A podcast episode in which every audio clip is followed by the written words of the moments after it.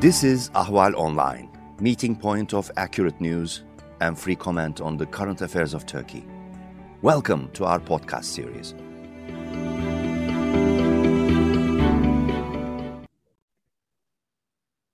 Hello, dear Ahval uh, listeners. I'm Gülten Sarı, uh, and today we will talk about again uh, the U.S.-Turkish relations, what's going on between two countries. Uh, as usual, my guest is Senior Program Director for Turkey at the Foundation for Defense of Democracies, Aykan Erdemir. Uh, Aykan Erdemir is with us for 12 minutes from Washington. Uh, welcome to the program, Mr. Erdemir. Thanks for having me. Yeah, today we will discuss three issues. One is State Department's special watch list. Uh, they didn't put Turkey on the uh, list of freedom of uh, belief um, or religion. Um, so I think it's a problem. And another one is Biden summit for democracy, which will be held on Thursday and Friday. Turkey was not invited to this um, summit and also the S uh, 400 uh, issue, which Turkey bought from Russia. This co continues to be a problem between two countries. However, uh, recently the U.S. meetings uh, not a top issue. This issue, what's going on? Uh, let's start from the State Department special watch list issue. Uh, so the U.S. Commission on International Religious Freedom uh, is a federal and nonpartisan and independent body, and each year uh, it issues an annual report, uh, which presents an overview of the state of the freedom of religion or belief across the world.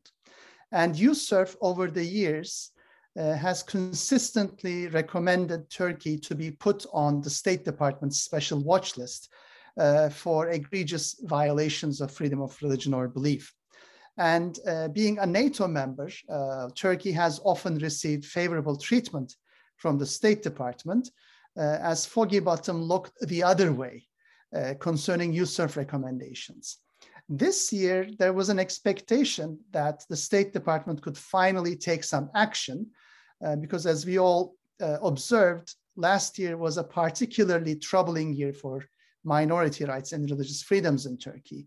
Erdogan uh, has not only converted Hagia Sophia into a mosque, but also the supremacist language he and his senior aides used, uh, you know, such as, uh, you know, the, the remnants of the Byzantines uh, or remnants of the sword or, uh, you know, the, the spirit of conquest, uh, really troubled Turkey watchers because this was a way to relegate Turkey's religious minorities uh, from lesser citizens into subjects of a neo Ottoman mentality. So there was a lot of expectation that the State Department would finally place Turkey on its special watch list, which would be a step toward the, the highest category, uh, which would be a, a country of particular concern category that would then start potentially triggering sanctions based on the International Religious Freedom Act. Uh, but once again, uh, Turkey received, let's say, lenient treatment and avoided the special watch list designation. Uh, and in the immediate aftermath, we have seen USCIRF issue kind of an update report on the state of religious freedoms in Turkey, where uh, the institution pointed out further violations of freedom of religion or belief. And this was perceived as a message that USCIRF will continue to insist on its recommendations to get Turkey in the State Department's special watch list to begin with, and possibly uh, put the country on a country of particular concern uh, designation finally, which could lead to uh, a new form of sanctions against Ankara. Mm-hmm. Uh, let's talk about uh, the summit uh, for democracy, uh, which will be held, as we said, uh, on uh, Thursday and Friday. what's the main purpose of the summit? Why Turkey was not invited to this summit? Now, the so-called Biden Summit for Democracy has been a trademark policy for the Biden administration during its first year in office. Uh, during the election campaign, uh, Biden pledged multiple times to a human rights centered foreign policy. And uh, he also promised to bring the United States, you know, back in the world uh, and a close coordination uh, with democratic allies. So the, the Democracy Summit that we will have later this week is a step towards that. It was Biden's attempt to get human rights back at the center of US foreign policy and also to give the appearance that the United States is in close coordination with democratic allies. Now, this comes at an important time because over the summer and uh, during the fall, the Biden administration received quite strong criticism uh, from independent media outlets uh, for failing to uphold a human rights centered policy, especially Biden's withdrawal from Afghanistan and then cutting off deals with Qatar and Turkey, who are not necessarily, you know, who don't necessarily have a good human rights track record, uh, led to criticism. In fact, Reuters reported that in some of the bilateral meetings with Turkish counterparts, uh, Biden failed to mention human rights issues. Uh, so that everyone was watching with close interest to see whether Turkey would make it to the final cut of the invitees. And as expected, the Erdogan government was not invited. Uh, I think although the Biden administration would like to continue a pragmatic relationship with the Erdogan government, especially when it comes to Afghanistan, still the Erdogan regime is too toxic across the US political spectrum, uh, meaning it would be very embarrassing for Biden to uh, pose alongside Erdogan at a democracy summit at a time when Turkey is one of the worst offenders uh, in academic freedoms, in media freedoms, uh, in the rule of law and democracy. Uh, so this is, I think, yet another reminder, uh, not only of the, the cold relations between Washington and Ankara, uh, but also that uh, in Washington, there is still a bipartisan consensus that Turkey is neither a functioning democracy uh, nor a close ally that merits such an invitation. So we will see how the summit continues. Uh, many observers argue that it will be an anticlimactic event and not much will come out of it. But nevertheless, uh, the, the signaling for Ankara remains negative, uh, and uh, regardless of whether the summit is a success or not, it will uh, end up as a failure on the Erdogan government's part. Yeah, uh, as, as a contribution, what you said, even uh, if we know that the Biden administration tries to kind of uh, give a green light to the Erdogan administration, we know that there is a um, kind of big um, uh, kind of uh, object to this purpose in the, in the Congress by many senators, I think. Uh, de definitely, uh, when we take a look at Congress, both in the House of Representatives and in the Senate, uh, there is a strong uh, anti-Erdogan consensus. Mm-hmm. Uh, and we just this week we have seen again one of the senators crit- issue a statement criticizing Turkey and the Osman Kavala case. and there was a bipartisan welcome to the Council of Europe's decision to start infringement proceedings against Turkey uh, concerning the Osman Kavala case.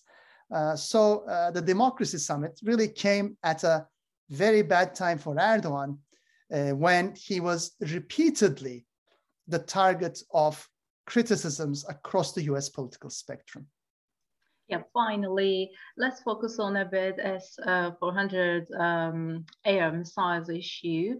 Um, you pointed out that recently um, this issue not a hot topic of the U.S. politics uh, during meetings. What's going on in this issue?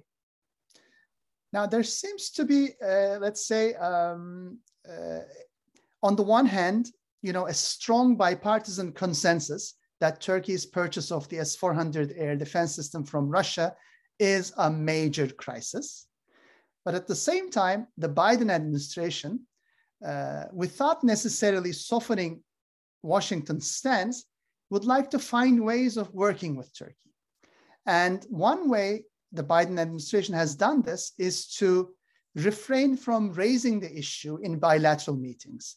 We have seen that during the high level working group uh, of Turkish officials at the Pentagon, there was no mention of the S 400 in the readout.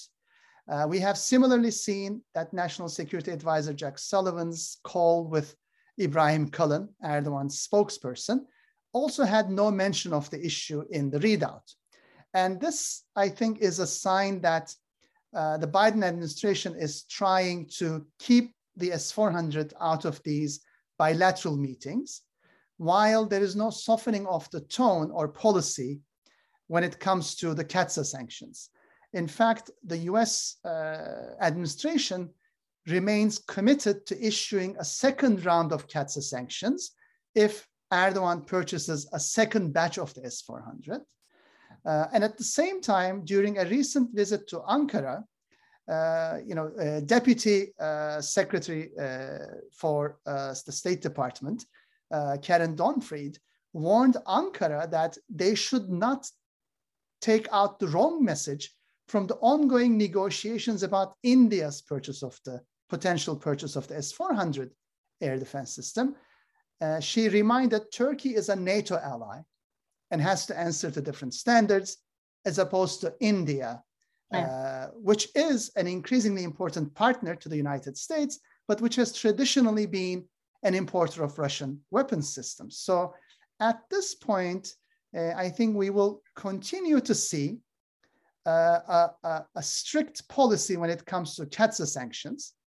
But at the same time, the Biden administration will continue this back channel diplomacy with Ankara when it comes to Afghanistan or when it comes to working groups for the potential sale of F 16 fighter jets and modernization kits. But mm-hmm. again, as you reminded in the previous question, one should never disregard the role the Congress plays.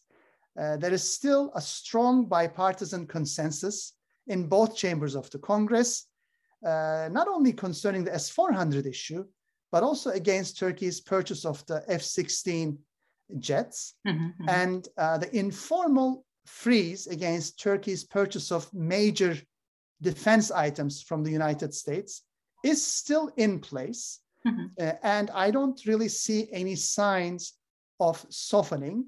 Uh, uh-huh. And we should also keep in mind that some of the leading figures uh, in the Senate Foreign Relations Committee remain committed to blocking such a deal. So, overall, I think as long as Erdogan is in power in Turkey, mm-hmm. uh, this deadlock will remain in place. Yeah, also, uh, U.S. seems to have focused on a bit Ukraine, a crisis in Ukraine uh, between Russia. Uh, so, as you said, it doesn't mean that it doesn't pay attention to Turkey. Okay, thank you very much for joining us this week, and then next week we will continue to talk about the relations between two countries. Thank you for having me.